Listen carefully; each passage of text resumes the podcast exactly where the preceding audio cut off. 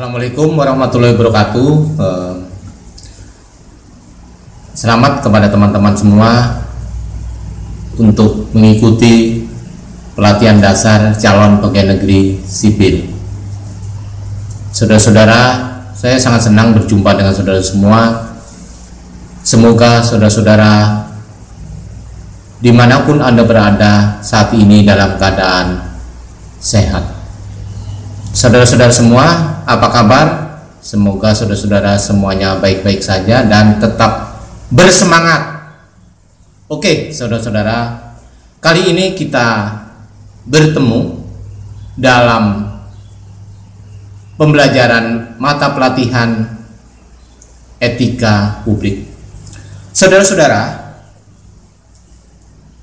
etika publik ini adalah memfasilitasi saudara-saudara dalam pembentukan nilai dasar etika pada peserta pelatihan melalui pembelajaran kode etik dan perilaku pejabat publik, bentuk-bentuk kode etik dan implikasi serta aktualisasi kode etik pegawai negeri sipil. Tujuan pembelajaran Peserta diharapkan mampu menanamkan nilai dan bentuk sikap dan perilaku patuh kepada standar etika publik yang tinggi.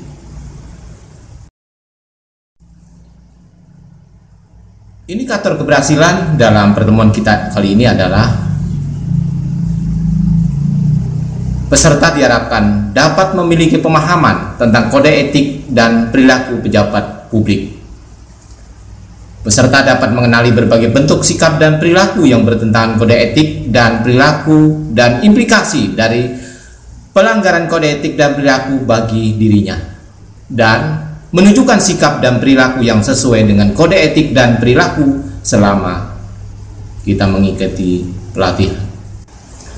Saudara-saudara, sebelum kita mulai, tentu kita ingin memahami dulu apa pengertian daripada etika. Perkataan etika atau lazim disebut dengan etik berasal dari kata Yunani etos yang berarti norma, nilai, nilai, kaidah dan ukuran-ukuran bagi tingkah laku manusia yang baik. Refleksi tentang standar atau norma yang menentukan baik atau buruk perilaku tindakan dan keputusan untuk mengarahkan kebijakan publik dalam rangka menjalankan tanggung jawab pelayanan publik. Di Kokur 1990 mendefinisikan etika sebagai tujuan hidup yang baik bersama dan untuk orang lain di dalam institusi yang adil. Dengan demikian etika lebih dipahami sebagai refleksi atas baik atau buruk benar atau salah yang harus dilakukan atau bagaimana melakukan yang baik atau benar. Sedangkan moral mengacu kepada kewajiban kita melakukan yang baik atau apa yang seharusnya dilakukan. Dalam kaitannya dengan pelayanan publik, etika publik adalah refleksi tentang standar atau norma yang menentukan baik atau buruk, benar atau salah perilaku tindakan dan keputusan untuk mengarahkan kebijakan publik dalam rangka menjalankan tanggung jawab pelayanan publik. Dalam kode etik aparatur sipil negara berdasarkan Undang-Undang Aparatur Sipil Negara, kode etik dan kode perilaku ASN yakni sebagai berikut. Yang pertama, melaksanakan tugasnya dengan jujur, bertanggung jawab, dan berintegritas tinggi. Yang kedua, melaksanakan tugasnya dengan cermat dan disiplin. Kemudian, yang ketiga, melayani dengan sikap hormat, sopan, dan tanpa tekanan. Melaksanakan yang keempat adalah melaksanakan tugasnya sesuai dengan peraturan perundang-undangan yang berlaku. Kemudian yang kelima, melaksanakan tugasnya sesuai dengan perintah atasan atau pejabat yang berwenang sejauh tidak bertentangan dengan ketentuan peraturan perundang-undangan. Yang keenam, menjaga kerahasiaan yang memang harus dirahasiakan menurut ketentuan yang berlaku, yaitu terutama menyangkut kebijakan negara. Yang ketujuh, menggunakan kekayaan dan barang milik negara secara bertanggung jawab, efektif, dan efisien. Yang kedelapan, menjaga agar tidak terjadi konflik, ya, konflik kepentingan dalam melaksanakan tugasnya. Memberikan informasi yang benar dan tidak menyesatkan kepada pihak lain yang memerlukan informasi terkait kepentingan kedinasan. Itu yang kesembilan. Yang kesepuluh, tidak menyalahgunakan informasi internet negara, tugas, status, kekuasaan, dan jabatannya untuk mendapat atau mencari keuntungan atau manfaat bagi dirinya sendiri atau untuk orang lain. Kemudian yang ke-11 memegang teguh nilai dasar ASN dan selalu menjaga reputasi dan integritas ASN. Yang terakhir, melaksanakan ketentuan peraturan perundang-undangan mengenai disiplin pegawai aparatur sipil negara. Berikutnya adalah nilai-nilai dasar etika publik berdasarkan Undang-Undang ASN. Yang pertama adalah memegang teguh nilai-nilai dalam ideologi negara Pancasila. Kemudian yang kedua setia dan mempertahankan UUD Republik Indonesia tahun 1945. Kemudian yang ketiga menjalankan tugas secara profesional dan tidak berpihak. Yang keempat, membuat keputusan berdasarkan prinsip keahlian. Kemudian yang kelima menciptakan lingkungan kerja yang non diskriminatif. Yang keenam memelihara dan menjunjung tinggi standar etika luhur. Kemudian yang ketujuh mempertanggungjawabkan tindakan dan kinerja ya, kepada publik. Yang kedelapan, memiliki kemampuan dalam melaksanakan kebijakan dan program pemerintah. Kemudian yang kesembilan memberikan layanan kepada publik secara jujur, tanggap cepat, tepat, akurat, berdaya guna, berhasil guna, dan santun. Yang kesepuluh, mengutamakan kepemimpinan berkualitas tinggi. Yang kedelapan, memiliki kemampuan dalam pelaksanaan kebijakan dan program pemerintah. Kemudian yang kesembilan memberikan layanan kepada publik secara jujur, tanggap, cepat, tepat, akurat, berdaya guna, berhasil guna, dan santun. Kemudian yang ke-10 mengutamakan kepemimpinan berkualitas tinggi. Ke-11 menghargai komunikasi, konsultasi, dan kerjasama. Kemudian 12 mengutamakan pencapaian hasil dan mendorong kinerja pegawai. Kemudian yang ke-13 mendorong kesetaraan dalam pekerjaan. Kemudian yang ke-14 meningkatkan efektivitas sistem pemerintahan yang demokratis sebagai perangkat sistem karir. Saudara,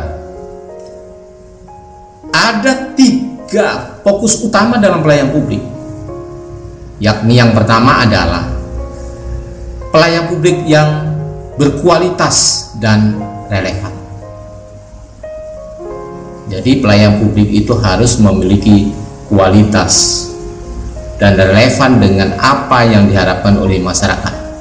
Yang kedua sisi dimensi reflektif etika publik berfungsi sebagai bantuan dalam menimbang pilihan saran kebijakan publik dan alat evaluasi.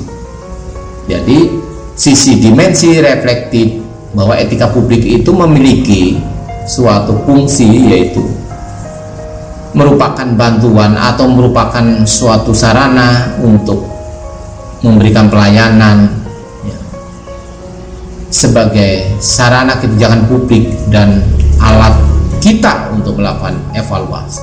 Kemudian yang ketiga, modalitas etika menjembatani antara norma moral dan tindakan faktual. Berarti modalitas etika itu adalah merupakan jembatan bagaimana norma-norma moral dan suatu perilaku atau tindakan ya, yang kita lakukan itu betul-betul sesuai dengan yang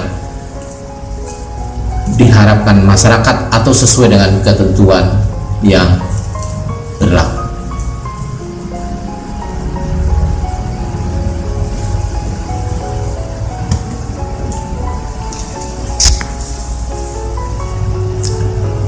Dimensi etika publik. Yang pertama, dimensi kualitas pelayanan publik. Saudara-saudara,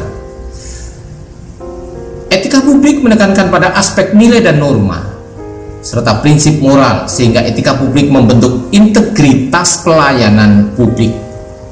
Moral dalam etika publik menuntut lebih dari kompetensi teknis karena harus mampu karena harus mampu mengidentifikasi masalah-masalah dan konsep etika yang khas dalam pelayanan publik. Oleh karena itu, etika publik mengarahkan analisa politik, sosial, budaya dalam perspektif pencarian sistematik bentuk pelayanan publik dengan memperhitungkan interaksi antara nilai dan masyarakat, antara nilai yang dijunjung tinggi oleh lembaga-lembaga publik. Yang kedua, dimensi modalitas. Pemerintahan yang bersih adalah syarat kemajuan suatu bangsa. Pemerintahan yang korup menyebabkan kemiskinan, sumber diskriminasi, rentan konflik, dan penyalahgunaan kekuasaan. Korupsi disebabkan lemahnya integritas pejabat publik kurangnya partisipasi dan lemahnya pengawasan. Membangun integritas publik, pejabat dan politisi harus disertai perbaikan sistem akuntabilitas dan transparansi yang didukung modalitas etika publik, yaitu bagaimana bisa bertindak baik atau berperilaku sesuai standar etika. Cara bagaimana etika bisa berfungsi atau bekerja. Struktur seperti apa yang mampu mengorganisir tindakan agar sesuai dengan etika. Infrastruktur semacam apa yang dibutuhkan agar etika publik berfungsi serta unsur-unsur modalitas dalam etika publik yakni akuntabilitas, tran, transparansi dan netralitas itu harus bisa diterapkan. Jadi akuntabilitas, transparansi dan netralitas itu mutlak adanya. Yang ketiga, dimensi tindakan integritas publik. Integritas publik dalam arti sempit, yakni tidak melakukan korupsi atau kecurangan. Adapun maknanya secara luas, yakni tindakan yang sesuai dengan nilai, tujuan dan kewajibannya untuk memecahkan dilema moral yang tercemin dalam kesederhanaan hidup. Integritas publik juga dimaksudkan kualitas dari pejabat publik yang sesuai nilai, standar aturan moral yang diterima masyarakat.